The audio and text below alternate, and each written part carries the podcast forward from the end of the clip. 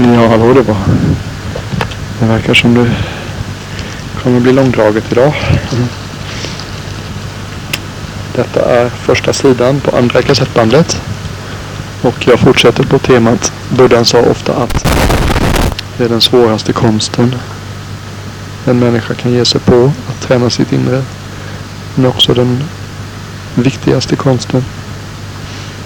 Ett tränat sinne, det är den finaste tillgången en människa kan ha. Ett otränat sinne är den som kan åstadkomma en, den största skadan.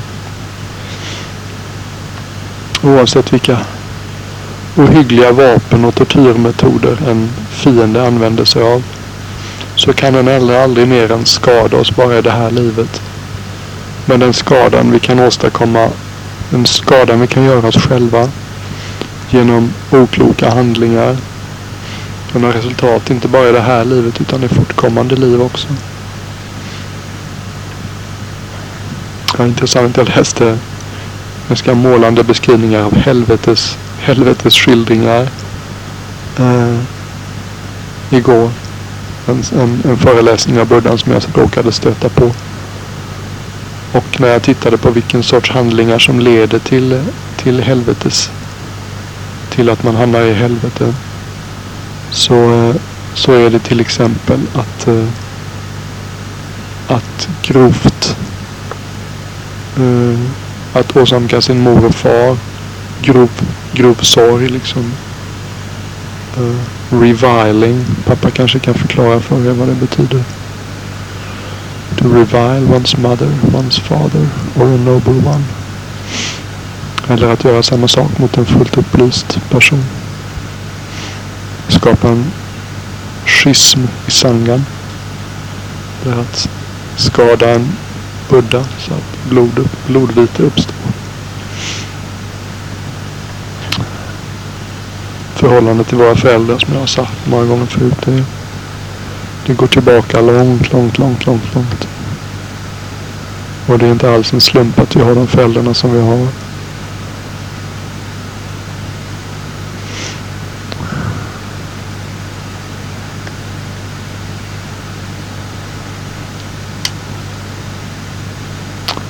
Jaha, så att eftermiddagarna då. Om jag... Ibland så vill, ibland så vill en sinne tänka och då får man vara känslig för det. Eh, ibland är det bara en fråga om att och, och få tyst på det så att säga. Därför att det är bara, det är bara brus det som kommer. Men ibland så märker man att det vill helt enkelt tänka och då kan man ge det något att tänka på som, som är värt att tänka på som får en att växa i visdom. Och det här kan man då kalla mer reflektiva meditationer. Och det har jag haft till, tillfälle att, att göra här en del. Det finns det ganska mycket olika. Ett ämne som jag ofta reflekterar över det är döden. Inte minst därför att det sätter allting, sätter saker och ting i sitt rätta perspektiv. Sådana här saker som en oförmåga att förlåta människor blir väldigt tydligt hur fånigt det är när man tänker på att, på att vi kommer att försvinna allihopa så småningom. Jag kan nästan bli rädd om jag tänker om jag, om jag är upprörd eller missnöjd eller besviken på någon. Men tänk, tänk om någon dör nu och jag känner så här. Det vore ju fruktansvärt. liksom, Hänger du upp det på saker som är små så är det väl inte större än så.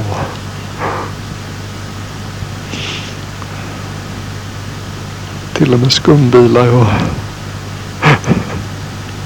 snöboll, marsipansnöboll, snögubbar måste man, måste man lära nöja sig med. ha. Det finns människor här i världen som skulle vara förbannat glada om de hade fått en marsipansnögubbe och lite skumbilar på julafton.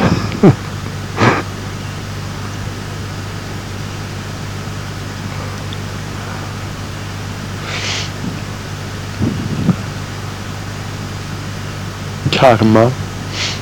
Också ett ämne som är väldigt fruktsamt och bördigt att tänka på.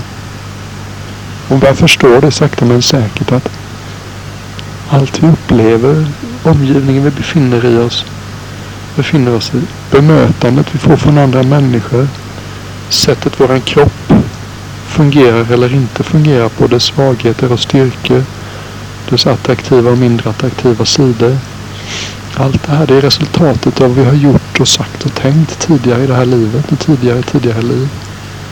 Det är fantastiskt. Folk som är vackra, det förklarar buddhan att en ofta bidragande orsak till att man föds som en attraktiv och vacker människa, det är att man har haft god, god moral i ett tidigare liv. Det är ett sätt att glädjas Men när man ser vackra människor.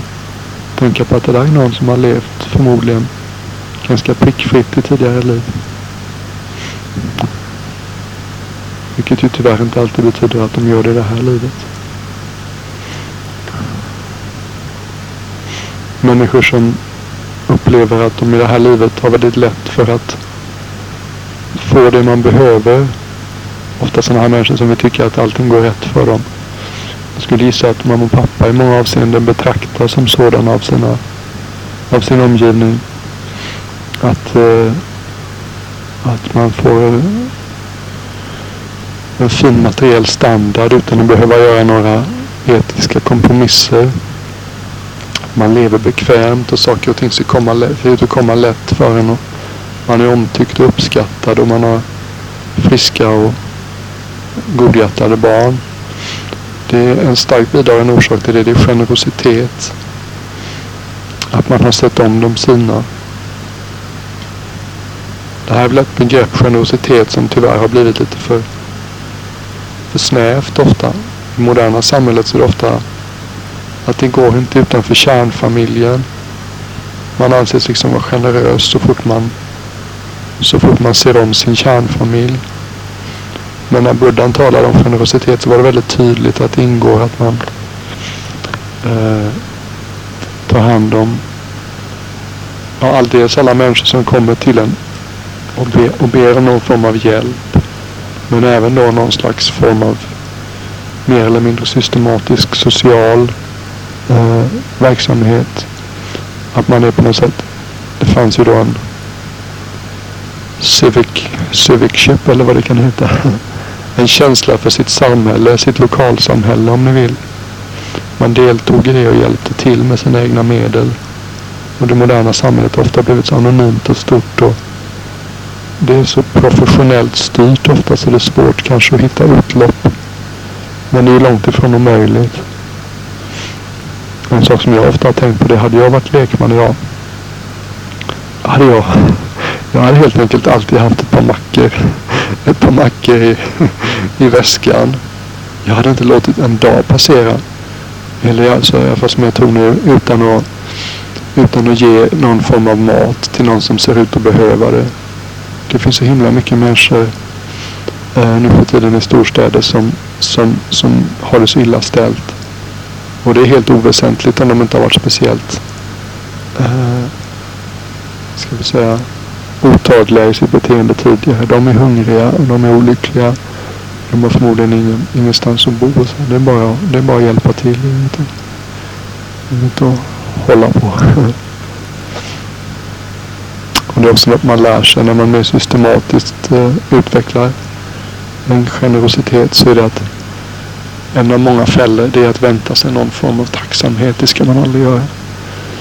Man liksom stillar sitt sinne när man ger, säger buddhan. Man försöker samla sig. Och sen är det viktigt att man riktar uppmärksamheten inåt när man ger så man noterar, observerar den här godheten som blommar ut inom en. Och verkligen smaka på den. Det gäller att få smak för livets, för livets sunda glädjekällor. Mm. För de glädjekällorna som är värda att använda sig av. De som är konstruktiva och går mot ljus. Och eh, efter man har gett så gläds man. Jag har många tillfällen jag kan bara, helt batteri av tillfällen jag bara kan påminna mig själv om att tänk när du gjorde det. Ah, good stuff man, good stuff. Och så blir jag för gott humör. Jag har, eh, jag har gett upp. Som ni kanske vet så är det hemskt dålig ekonomi i Thailand nu. Och eh, och alla har det svårt. Och jag ville försöka vara så billig i drift jag kunde när jag kom hit.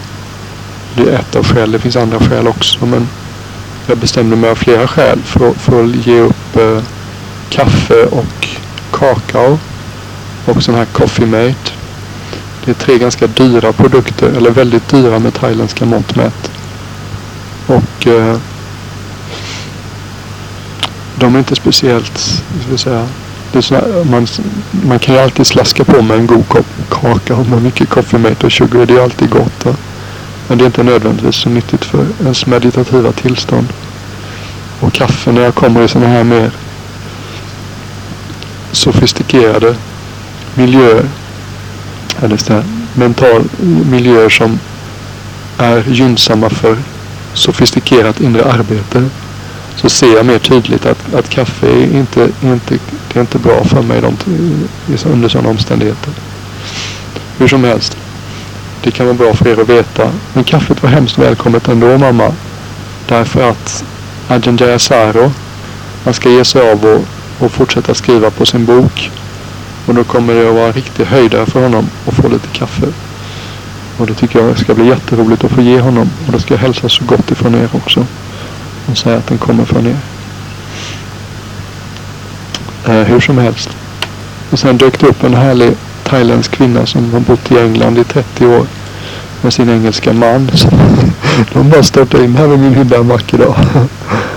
Och det visade sig att hon, hon var en eh, supporter till klostret utanför eh, Newcastle i norra England. Och eh, abboten i det klostret han har bott här i sex dagar. Och flera av hans lärjungar, eller vad man ska säga, de har bott här också. Så hon dönade in här med sin man. Hon var helt härlig tant alltså. Oh, men jag skulle så gärna vilja ge men Det måste finnas någonting jag kan hjälpa till med. Den här thailändska generositeten. Så det första de frågar när de kommer upp. Hej, är det någonting du behöver? Något jag kan hjälpa till med? Uh, hmm, ser lite dåligt ut med tandkrämen där. Kan jag köpa ny tandkräm åt dig? När abboten i eh, skotska templet eller i nordengelska templet bodde här. Nu kom hon upp med glass åt honom. och uh, hur som helst. Hon hade med sig säckar då med läsk och coffee mate och kaffe och te och uh, det var väl det. Men my mycket av allting. Jag sa ju ingenting för jag ville ju inte göra henne ledsen. Eh, och jag såg ju hur glad hon var att få, få ge det här. Det är en charmerande förmåga Thailand att de verkligen det är så självklart för dem man ger saker till andra så mår man ju så bra. Man blir så glad. så hon strålade av glädje. Och sen, och då var fortfarande det här gänget med munkar där nere var fortfarande här. Och jag var, jag var så jag liksom det vore väl en överdrift att jag kunde knappt sova men jag såg verkligen fram emot att nästa morgon. För jag är inte sådär, det är gott säger man en varm dag med is i. Man kan dricka en kopp läsk men liksom två stycken sådana här jättefamiljeflaskor. Det hade jag ingen användning för.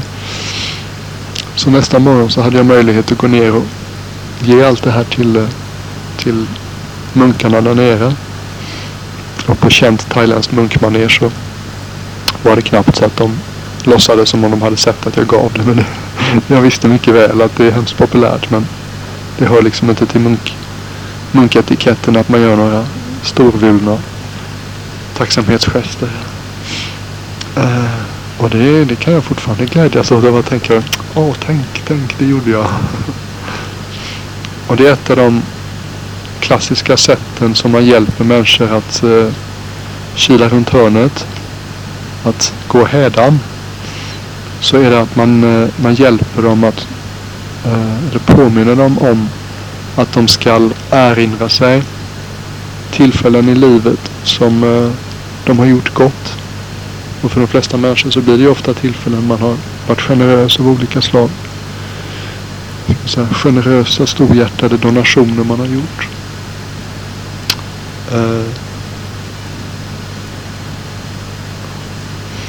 Om man har hållit en god etisk, etisk nivå. Det är också någonting att påminna sig om. Perioder som män har varit munkar kan de påminna sig om. mödrar som har tagit hand om sina barn på ett osjälviskt sätt. Att man samlar på sig ett batteri av sådana här källor till glädje. En, en form av meditation som buddhan. Han uppmuntrade faktiskt munkar till och med att göra det varje kväll. Gå igenom. Har jag gjort någonting idag på moralisk nivå som eh, mina äldre kollegor skulle kunna klandra mig för. Och har man gjort det så, så gör man liksom en klar eh, resolution att man ska försöka undvika att göra det igen. Och har man inte gjort det så utvecklar man en, en glädje över att man har en klanderfri, klanderfri dag bakom sig.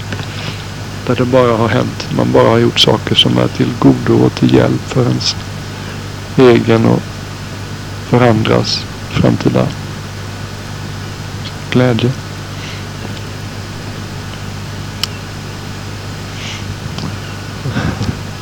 Som ni märker är inte det här dagens mest mindfulla period utan jag går lite hit och dit.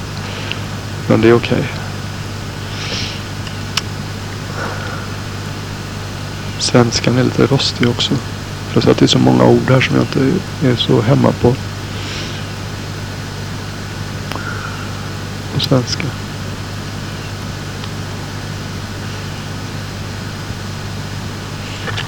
Gå igenom kroppen i ett annat vanligt reflektiv meditation. Plockar isär den. Traditionellt buddhistiskt vis så delar man upp kroppen i 32 olika beståndsdelar. Inte på något sätt liksom, exakt överensstämmande med modern vetenskap. Men, men det fungerar. Titta på de olika sakerna. Är det någonting här som är värt att kalla? Är det jag? som levern. Hur ser en lever ut? Hur vet man det? Det är jag det. Finns det någonting i den här levern som är vackert eller attraktivt eller som man skulle vilja skylta med? Man hade en lever på skrivbordet i en vecka. Är det någonting som skulle göra ens liv ljusare och mera, mera inspirerat? Naglar. Finns det någonting med naglar egentligen? Kan man tänka på det som gör en människokropp attraktiv? Det är det som inte hör till människokroppen egentligen ofta. Parfym och kläder och smycken och makeup. Sådana saker. Och vilken kropp som helst om den inte får tillgång till alla de här hygienprodukterna. Men låt det gå en vecka, tio dagar. Hur, hur gott luktar den? Även, även Miss World skulle jag misstänka. Men, eh, kroppen, är, kroppen är inte speciellt attraktiv. Jag gick på en strand i Grekland, Golden Beach. en gång när Göran, Gallan och CH och Butcher och jag var där. Och det var, det var tid det. I en vecka utan, utan att komma i kontakt med sötvatten och utan att borsta tänderna. Så på en strand. Sanden blåste in i håret varenda natt. Mot slutet av veckan så kallade de mig för synt, syntskuggan. Men när vi gick mot baren på kvällskvisten så föll min skugga i sanden så såg det ut och håret stod rätt mycket rätt upp då eftersom det var så salt. Jag såg ut som en syntare. Min skugga föll i sanden. Då badar man ju i saltvatten åtminstone varje dag så det var inte sådär hemskt. Rätt illa luktande och vad de misstänker.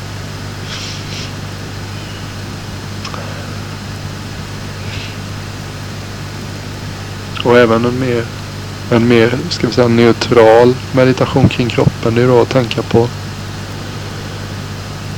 element Ofta spekuleras det nu för tiden i ska vi säga, fysiska universum och dess beståndsdelar och materians slutgiltiga egenskaper och minsta beståndsdelar och sådär. Men, men buddhismen är väldigt pragmatisk i det avseendet. Fysisk materia har fyra huvudsakliga egenskaper. Den har utsträckning i rummet. Det som vi då kallar för hårdhet. Eller, ja, den har utsträckning i rummet. Och det kan vi kalla att det är jordelementet. Och eh, fysisk materia har även förmåga att anpassa sig till sin omgivning. Det kan vi kalla vattenelementet. Då att vatten fyller ju så att säga fyller ut en plats som är angivet för det. Och eh, fysisk materia har temperatur som i större eller mindre utsträckning överstiger absoluta nollpunkten. Och det här kallas då för eldelementet. Och fysisk materia har förmågan att röra på sig. Det kallar vi för vindelementet. Och när man börjar analysera sin fysiska omgivning i de här fyra elementen så avdramatiserar man hemskt mycket. Man säger att det är bara, det är bara de här fyra egenskaperna som framträder i olika kombinationer. Om vi tittar på kroppen till exempel så har vi då ben och tänder och sådana saker. Det är ju uppenbarligen alla, alla material har alltså alla fyra komponenterna i mer eller mindre hög utsträckning. Men sådana saker som ben och tänder och brosk och naglar och hår. Det utmärks väl framförallt av en dominering, dominerande inslag av jordelementet. Just den här fastheten. Och kroppsvätskorna då. De charmerande. De charmerande vätskorna som ständigt ooze ut ur de nio kroppsöppningarna. Öronvax och snor och spott och tårar och blod och urin och allt annat. Allt annat gussigt som finns i den här kroppen. De utmärks ju framförallt av vattenelementet. Och eh, de huvudsakliga inre eldarna det är väl då eh, den värmen som smälter våran mat åt oss. Och eh, värmen som håller kroppen varm. Och eh, den inre processen som gör att vi åldras. Det är tre viktiga eh, utmärkande källor till så säga, eldelementet. Och vindelementet, det är framförallt vår andning som är det mest uppenbara. Och vi kan kalla dem, Buddhan kallar då de vindarna i kroppen som gör att vi rör oss. så här är det kanske lite svårt att tänka sig det som vindar men det är mer som en slags symbol för en viss egenskap hos fysisk materia. Och det är också väldigt svalkande meditation. Att man släpper mycket av sitt fasthängande vid den fysiska kroppen. Det är inte mer än så. Och eh, så småningom kommer då den inre elden att nå sitt slut och då, då, då upphör kroppen, eller den transformeras, återgår till jorden som vi säger i kristendom. Jord har du kommit, jord skall du åter varda. Och det är helt naturligt. Det behöver inte vara något problem alls. Det, det är bara det att vi, vi ser inte kroppen som den är när jag skojar om de här kroppsvätskorna så är det inte meningen att liksom föräcklas över kroppen eller börja hata sin kropp. Utan att man kanske då markerar de här mindre attraktiva sidorna av vår fysiska kropp. Det gjorde ofta buddhan för att, för att liksom väcka upp människor. Eh, slita dem ur sin, eh, ur sin eh, obalanserade så här, bindning vid sin kropp. Andras kroppar inte minst. Det är inte kråkorna i näsan vi tänker på i första hand. Blir förälskad i någon.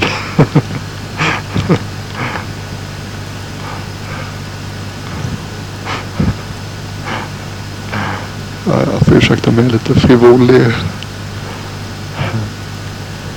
Det har sina skäl att jag talar lite längre idag. Jag kommer till det så småningom.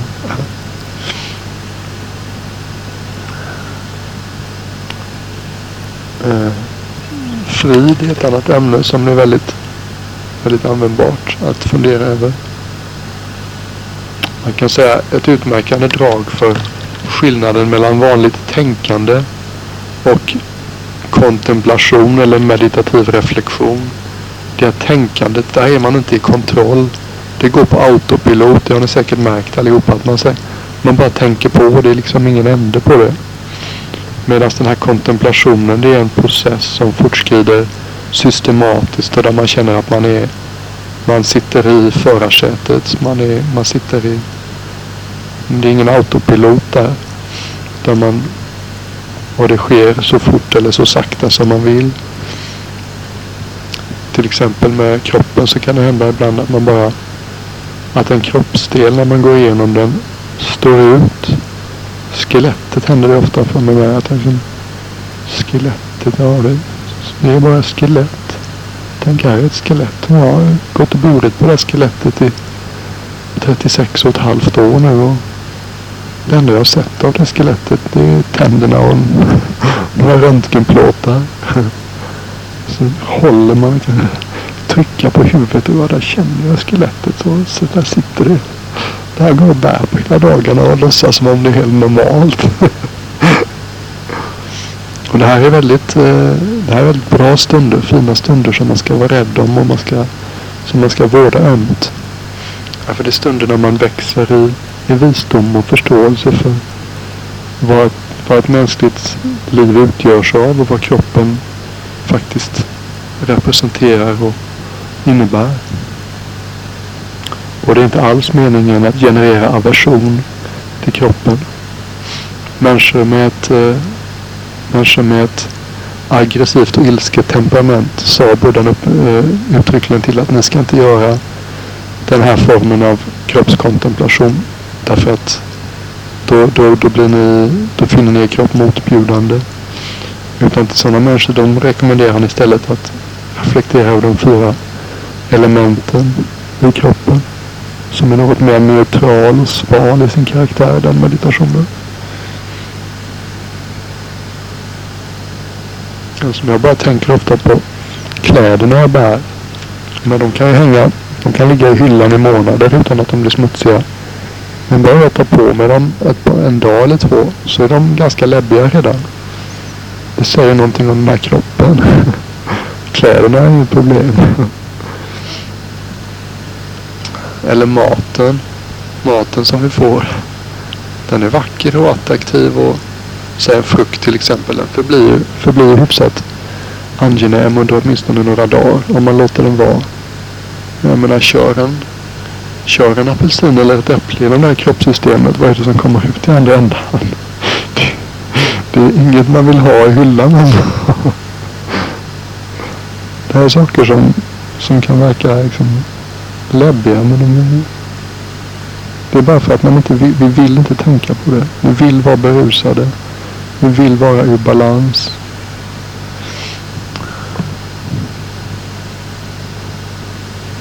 Om jag låter bli att använda tvål en dag så får man den här liksom, ganska obehaglig hinna på kroppen. Jag låter bli att borsta tänderna bara ett kort tag. Så känner man att det inte är speciellt behagliga dofter som kommer ut därifrån. Ja, alltså. Det här är nog inte ert favoritmeditationsobjekt så jag får väl hålla mig lite lugnare. Ja. ska jag känna att jag inte gör så mycket av det heller. Det är mer för att det tycker det har ett visst underhållningsvärde.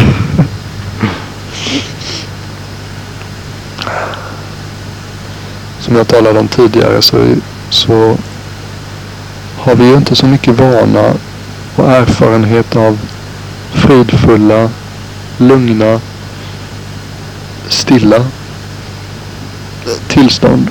Utan eh, när vi tänker oss sånt som är attraktivt och eftersträvansvärt och som ger oss lycka och glädje.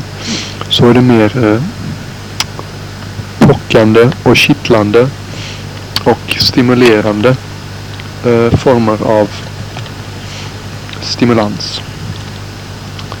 Och det här får man eh, så småningom vänja sig av med därför att det här är ännu en av de obalanserna i vår uppfattning om vår omvärld. Och hur man utvecklar så småningom en viss försmak för mer fridfyllda tillstånd. Och de är så uppenbarligt överlägsna de här mer stimulerade och upphetsade eh, tillstånden. Så att det förstår man så småningom att det, that's the way. Det är vägen till true happiness. Men det här är någonting man också måste så att säga nöta in i sitt inre.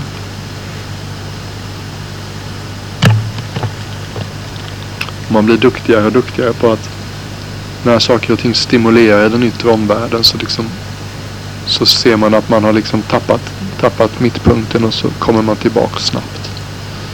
Som i morse då var det väldigt mycket med, av någon anledning var det en massa extra folk ute som donerade en massa, massa mat. Och så var det då all all upphetsningen kring presenterna från mamma och pappa och, och eh, så när jag kom upp lite igen så märkte jag att jag var liksom inte i balans. Men det är skönt när man sätter sig då ner och så helt helt confident som djuret skulle säga. Jag är helt confident att, eh, att jag kan sätta mig ner och, eh, och samla mig igen ganska snart. Och satt i ungefär en timme och, och sen så reste jag mig och gick ut och slog mig ner för min måltid och var i, i fokus igen.